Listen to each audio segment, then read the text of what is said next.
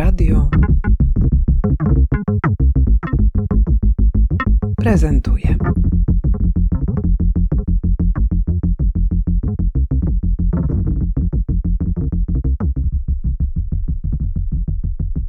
Aleksandra Szymańska, Instytut Kultury Miejskiej.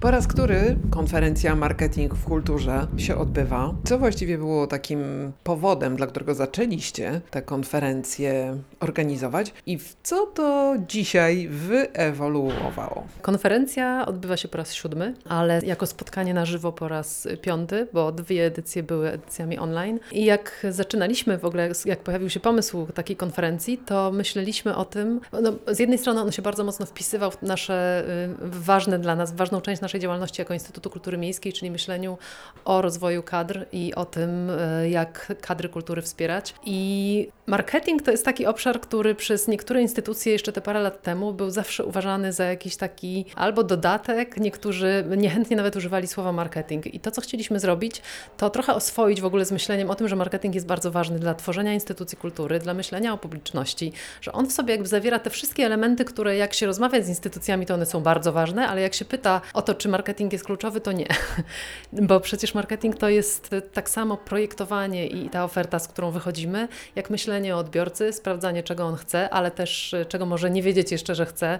To są jakby te same procesy, z którymi y, wiele firm, zwłaszcza w sektorze komercyjnym, y, które są może bardziej oczywiste i to słownictwo tak nie razi, ale też to, co chyba do dzisiaj wyróżnia tą konferencję i to jest dla nas niezmiernie ważne, żeby pokazywać, że w jakiejkolwiek dziedzinie i w marketingu też, jeżeli chcemy się rozwijać, musimy patrzeć na inne sektory. I to dotyczy znowu, to przecież nie jest tylko kwestia promocji czy komunikacji, tylko każdego obszaru i, i no, ostatnie trzy lata pokazały na przykład, jak o technologii się dużo mogliśmy nauczyć od innych, a jak bardzo nam to było potrzebne. I tak samo jest z marketingiem, dlatego przyjrzeliśmy się trochę takim działaniom i konferencjom, które odbywają się regularnie, jest ich dużo, za nie bardzo dużo ludzie płacą, żeby się, żeby się po prostu uczyć i jakoś nawzajem inspirować i żeby wyjść poza myślenie o kulturze, bo świat kultury ma takie przekonanie często, że to, czym się zajmujemy, jest na tyle unikalne, że w jakiś sposób nie przystaje do, do pewnych procesów albo wymaga innego typu komunikacji. Każdy produkt wymaga innego typu komunikacji, ale to w ogóle nie zmienia faktu, że możemy patrzeć na, na pewne procesy, pewne pomysły y, i je po prostu wykorzystywać i adaptować, bo w gruncie rzeczy chodzi zawsze o to samo, żeby zbudować jakąś relację z tutaj naszym widzem, żeby on chciał e, albo do nas przyjść, albo zainteresować się tym, co robimy. No, po dzisiejszej konferencji wiemy też, że chodzi chodzi o to, żeby zająć jego e, czas i żeby zdecydował się ten czas spędzić z nami, a nie z kim albo z czym innym. Marek Krajewski. E, jestem socjologiem, pracuję na Wydziale Socjologii Uniwersytetu im. Adama Mickiewicza w Poznaniu. Rozmawiamy w czasie konferencji Marketing w kulturze i przed chwilą w czasie swojego wystąpienia właściwie udowodniłeś, że marketing w kulturze jest bardzo mocno związany z ekonomią czasu. Co jest najistotniejsze w spojrzeniu na gospodarowanie czasem wolnym, w ogóle czasem raczej, w, w grupie uczestników kultury? E, wydaje mi się, że taki naj, najważniejszy problem, który się pojawia, kiedy myślimy o kulturze, o uczestnictwie w kulturze, to jest jakby wyparowywanie jednostek z ich codzienności. Tymczasem to uczestnictwo w kulturze jest no, taką samą czynnością jak chodzenie do pracy, jak higiena e, codzienna, jak zarabianie na życie, wychowywanie dzieci. Te wszystkie czynności są ze sobą powiązane. I błędem jest no, zastanawianie się nad tym, jak ludzie uczestniczą w kulturze, abstrahując jakby od tego, jak wygląda ich codzienność, a takim najważniejszym chyba aspektem codzienności jest właśnie czas. On ma bardzo różne wymiary, jeżeli chodzi o, o, o, codzienność, ale takim chyba najważniejszym jego aspektem jest to, że on jest regularny, że jest powtarzalny, ale też, że jest cennym i ograniczonym zasobem, którym musimy jakoś rozsądnie gospodarować, żeby nam na te wszystkie czynności starczyło e, to właśnie czasu i e, uwagi. W bardzo różny sposób to oczywiście robimy, bo to jest takie pogłębianie czasu, czyli wielozadaniowość, część zadań delegujemy przecież na innych, ale z uczestnictwem w kulturze jest troszkę inaczej. E, bo Polega to głównie na tym, że jeżeli nie mamy na niego czasu, no spróbujemy znaleźć jakiś substytut tego uczestnictwa, jakiś zamiennik, coś, co to uczestnictwo w kulturze na przykład, nie wiem, teatralnej zastąpiło w pieleszach domowych. No i to jest według mnie taki bardzo ważny wniosek, który będzie, no, może kierować badaniami przyszłymi uczestnictwa w kulturze, bo bo zauważone zazwyczaj polegają na mierzeniu częstotliwości konsumpcji e, kulturowej. Z tego się bierze cały szereg nieporozumień wynikających z tego, że no właśnie nie rozumiemy, dlaczego ludzie na przykład nie przychodzą, albo dlaczego walą gdzieś e, tłumy. A to w dużej mierze wynika z, właśnie z tych powiązań z e, życiem codziennym i z takimi codziennymi rytmami, bardzo często właśnie naruszanymi przez e, również takie kryzysowe sytuacje jak pandemia czy wojna w tej chwili. Wśród instytucji warszawskich zauważalny jest obecnie, mamy kwiecień 2022 roku, zauważalny jest spadek uczestnictwa w wydarzeniach offline'owych realizowanych przez te instytucje. Frekwencja w teatrach, ale też po prostu ogólnie bywanie. Widać, że no, coś zaszło z tym uczestnictwem. Oczywiście jesteśmy też w tej chwili państwem przyfrontowym.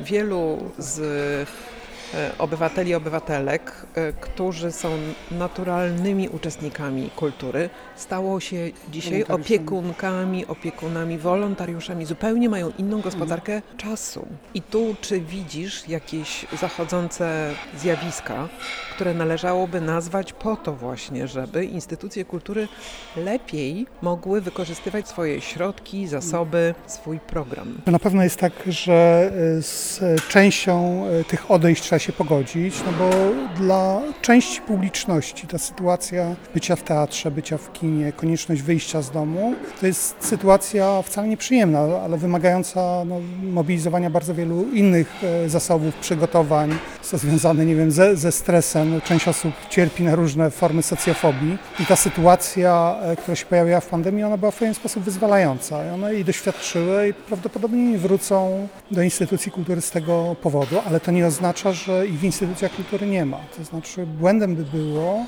chyba całkowite wygaszanie e, online'owych e, form działalności instytucji e, kultury wraz z otwarciem się budynków, bo, bo część publiczności pozostała w tym trybie online'owym. Druga rzecz to jest, no, no wszyscy mówimy, i to jest chyba najpopularniejsze słowo używane poza oczywiście pandemią i, i wojną, to jest słowo kryzys, kryzys gospodarczy, brak pieniędzy itd., itd. Uczestnictwo w kulturze jest częścią domowych budżetów, one zmieniły swoje hierarchie i podobnie jest ze zmianą hierarchii wartości tych osób, o których powiedziałaś przed chwilą. Uczestnictwo w kulturze dla tych osób było na pewno taką formą odnajdywania, nie wiem, sensu, tak? Czy szukania tego sensu. No dzisiaj e, tym podstawowym źródłem jest pomoc po prostu i o, o tym rzadko mówimy, ale to, co robią tysiące Polaków dzisiaj, niewątpliwie ma też taki e, aspekt w sobie, że jest bardzo ważnym, sensotwórczym dla nich działaniem. No stąd ten opływ. Ja bym próbował, nie wiem, no, pracować z tym zasobem i z tą energią, które wyzwalają takie kryzysowe sytuacje, nie tylko poprzez podziękowanie, że byliście z nami e, razem, ale dostrzeżenie tego zasobu, dzisiaj o nim też dosyć dużo mówiłem, czyli tego zasobu twórczości po prostu, tej, tego co się nazywa tą nad, nadwyżką kreatywną. I jeżeli się myśli o tym no właśnie w taki bardziej dalekosiężny sposób niż planowanie czegoś na, na, miesiąc, to wydaje mi się, że to jest taki, taki zasób, taka, taka wartość, z którą warto pracować, którą warto urefleksyjniać, którą warto brać pod uwagę, podobnie jak czas zresztą, który w zasadzie, którego nie ma w zasadzie w refleksji instytucji kultury. On jest e, obecny pod postacią, nie wiem, harmonogramu, natomiast nie jest obecny pod postacią pewnego zasobu ograniczonego, którym dysponuje publiczność i który współdzieli e, setki różnych innych e, praktyk. Czas oczywiście jest związany z przestrzenią, z tym wymiarem Tak fizycznym. I tutaj to przemieszczanie się, uczestniczenie polegające na wyizolowaniu się w pewnej przestrzeni architektonicznej, w jakiejś formie zamkniętej, czy to jest teatr, czy to jest sala koncertowa, czy to jest galeria, również zaczęło przegrywać po okresie pandemii, kiedy zrozumieliśmy, że nasze przestrzenie prywatne są wielofunkcyjnymi obszarami, w których możemy rzeczywiście w kulturze uczestniczyć i to w dodatku na własnych zasadach. Ja muszę powiedzieć, że wysłuchałam dużo więcej wykładów w czasie pandemii niż e, wcześniej niż przed nią, ale wiesz dlaczego? Bo mogłam przyspieszyć mówców dwa razy w YouTubie i naprawdę wielbię tę możliwość, dlatego że to, co skonsumowałoby moje dwie godziny czasu, tak zabrało mi godzinę i byłam naprawdę do przodu z tym. Miałam i wiedzę, i więcej czasu dla siebie. Oczywiście. Znaczy rzeczywiście ten e, zmiany tego podstawowego wymiaru, jakim jest czas pandemii, on po prostu takiej arytmii jakiejś uległ. One musiały pociągnąć ze sobą zmiany przestrzeni. Ona, no, ci też o tym wspominają, ona się stała takim rodzajem metaprzestrzeni, takiej, której się nagle pojawiły wszystkie inne e, przestrzenie, tak jak powiedziałeś, przestrzenią e, wielofunkcyjną i mam takie wrażenie, że w bardzo wielu prywatnych e, mieszkaniach ta nowa organizacja domu, lepsza, uwzględniająca potrzeby większej liczby użytkowników, również zakładająca konieczność do strajania się z różnego rodzaju aktywnościami, ona pozostała i to być może jest taki rzeczywiście fajny i dobry aspekt pandemii, że ona pozwoliła urefleksyjnić też tę przestrzeń. Dla wielu osób oczywiście też e, warto o tym mówić, to, to, to była opresyjna sytuacja po prostu. Nie? Tutaj dzisiaj też pojawiały się zdjęcia pracy e, w szafach ubraniowych, wyjętych klamek w drzwiach, żeby nie mogły wchodzić dzieci czy To w trakcie Twojej prezentacji, która była zilustrowana Tak. zdjęciami, które nadsyłano jako część e, naszego wasz- projektu badawczego. Tak, no, trzeci etap badań właśnie polegał na tym, że poprosiliśmy jednostki respondentów, żeby nam przysłali e, po trzy zdjęcia, które najlepiej oddają ich e, codzienność. Te, które mogłem dzisiaj pokazać, to pokazałem. Nie wszystkie się dało e, pokazywać. Ale rzeczywiście te wyjęte klamki na mnie też zrobiły ogromne wrażenie. Tak, tak. To, to, i tam rzeczywiście jeszcze było widać tą rączkę dziecięcą przy, przy szybie i, i no w każdym razie dla części osób to była rzeczywiście opresyjna sytuacja, z której no, z radością się uwalniały. Natomiast dla części to była okazja po prostu do przeorganizowania tej najbliższej przestrzeni, też do- dostrzeżenia, jak ważnym aspektem jest e, przestrzeń i e, zamieszkiwanie. No, gdybyśmy szukali jakichś dobrych stron pandemii, to rzeczywiście jest to jeden pewnie z nielicznych dobrych.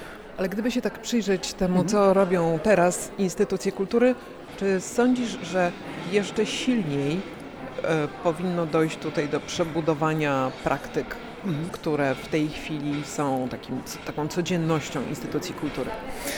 Wiesz co, ja jestem akurat w trakcie różnych projektów badawczych związanych jeszcze właśnie z takimi postpandemicznymi e, rzeczami związanymi z kulturą i to ten ślad może, wiesz, nie jest zawsze spektakularnie widoczny w postaci jakiejś totalnej reorganizacji e, sposobu funkcjonowania publiczności, ale to, że na przykład bardzo wiele instytucji zauważyło odbiorców zależnych, bo e, z nimi no, stracono kontakt bardzo szybko, bo był, transkrybowanie materiału wideo było już bardzo drogie na przykład. To znaczy większy nacisk na e, dostrzeżenia takich grup, które nie mogły właśnie w tej online'owej formie uczestniczyć, a były stałymi e, bywalcami tych mm, wydarzeń organizowanych przez instytucje kultury. To jest na pewno taka bardzo ważna zmiana. Na pewno bardziej doceniono te wszystkie działy, które są odpowiedzialne za współpracę z publicznością. Zauważone w pandemii odgrywały kluczową rolę absolutnie dla utrzymania i generowania jakichkolwiek e, zysków. Na pewno zespoły nabyły nowych umiejętności, takich to były bardzo różne naprawdę rzeczy. No i ważne było również e, docenienie, co mnie bardzo cieszy, tego aspektu dokumentacyjno-archiwizacyjnego. Nagle te materiały okazały się absolutnie bezcenne, są dzisiaj lepiej robione, z takim no, większym znawstwem i, i fachowo. Także wydaje mi się, że tych zmian jest chyba, chyba więcej. To, to, to stare myślenie, to, które zostało, to jest nieelastyczność. To jest takie bardzo, bardzo e, kurczowe trzymanie się harmonogramu. Ja wiem, że on jest wyznaczony przez budżet instytucji, ale wydaje mi się, że dobrze by było, gdyby no, część działań miała właśnie taki bardziej elastyczny charakter, dostosowywała się do, wiesz, no, do, do, do sytuacji. I tak to się dzieje. No, przecież zauważ, że bardzo wiele instytucji kultury w kapitalny sposób w kontekście kryzysu teraz tego wojennego się zachowało natychmiast w zasadzie. No. Rozmawiamy w holu e, Teatru Szekspirowskiego w Gdańsku. Jest tutaj, jak słyszeliście przed chwilą, ogromny ruch, e, trzaskanie drzwiami. Akustyka nie ukrywa właściwie niczego, co się dzieje w tej instytucji, która ewidentnie żyje. No żyje, tak? No tak. No i jesteśmy na, na scenie, chociaż jesteśmy w holu, tak można było powiedzieć. Dziękuję Ci bardzo za rozmowę. Dzięki.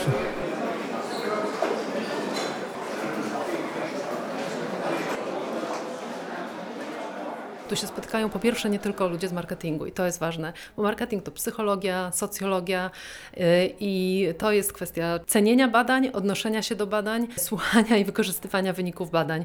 Także to jest chyba takie najważniejsze, patrzenie na ten marketing jako marketing w kulturze, jako po prostu yy, całość yy, procesów, które kształtują nas jako instytucje kultury. Instytut Kultury Miejskiej w Gdańsku powstał na fali powoływania instytucji, które mają odgrywać rolę służebną wobec potrzeb mieszkańców miast. Odbyło się to w czasie, kiedy Gdańsk starał się, jak kilka innych miast w Polsce, o tytuł Europejskiej Stolicy Kultury. Jak z perspektywy czasu oceniasz rozwój rozumienia tego, czym jest uczestnictwo w kulturze, bo sposób rozumienia tego uczestnictwa bardzo się zmienił przez ostatnie kilkanaście lat. Zmienił się albo zmienia się to, jak my y, rozumiemy, y, bo, bo samo uczestnictwo chyba się nie zmieniło i też sposób, w jaki rozumiemy jako uczestnicy, ale zmienia się sposób, w jaki uczestnictwo w kulturze zaczynają rozumieć instytucje i, i rzeczywiście zaczynają na to patrzeć jako w ogóle sposób funkcjonowania w jakichś relacjach. Dla mnie taka najprostsza definicja y, bycia w kulturze to jest zawsze właśnie bycie w, bycie w relacji, czy z,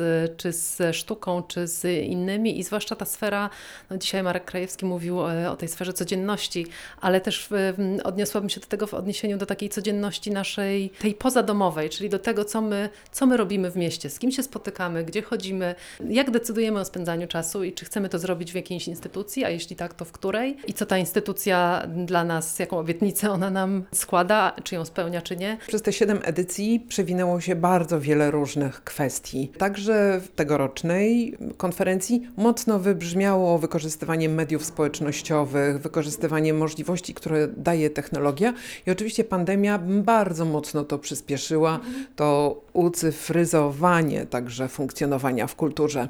Jak em, oceniasz, jak bardzo jest to faktycznie taki kierunek, w którym e, kultura pójdzie, czy też raczej jesteśmy po tej pandemii mocno nakierowani na uczestnictwo, na osobiste pojawianie się w jakichś przestrzeniach, bo istnieją dwa, dwa poglądy na ten Tak. temat, że albo się za bardzo scyfryzowaliśmy, albo wręcz przeciwnie. W tej chwili będziemy się jednak cieszyć głównie tą analogową rzeczywistością.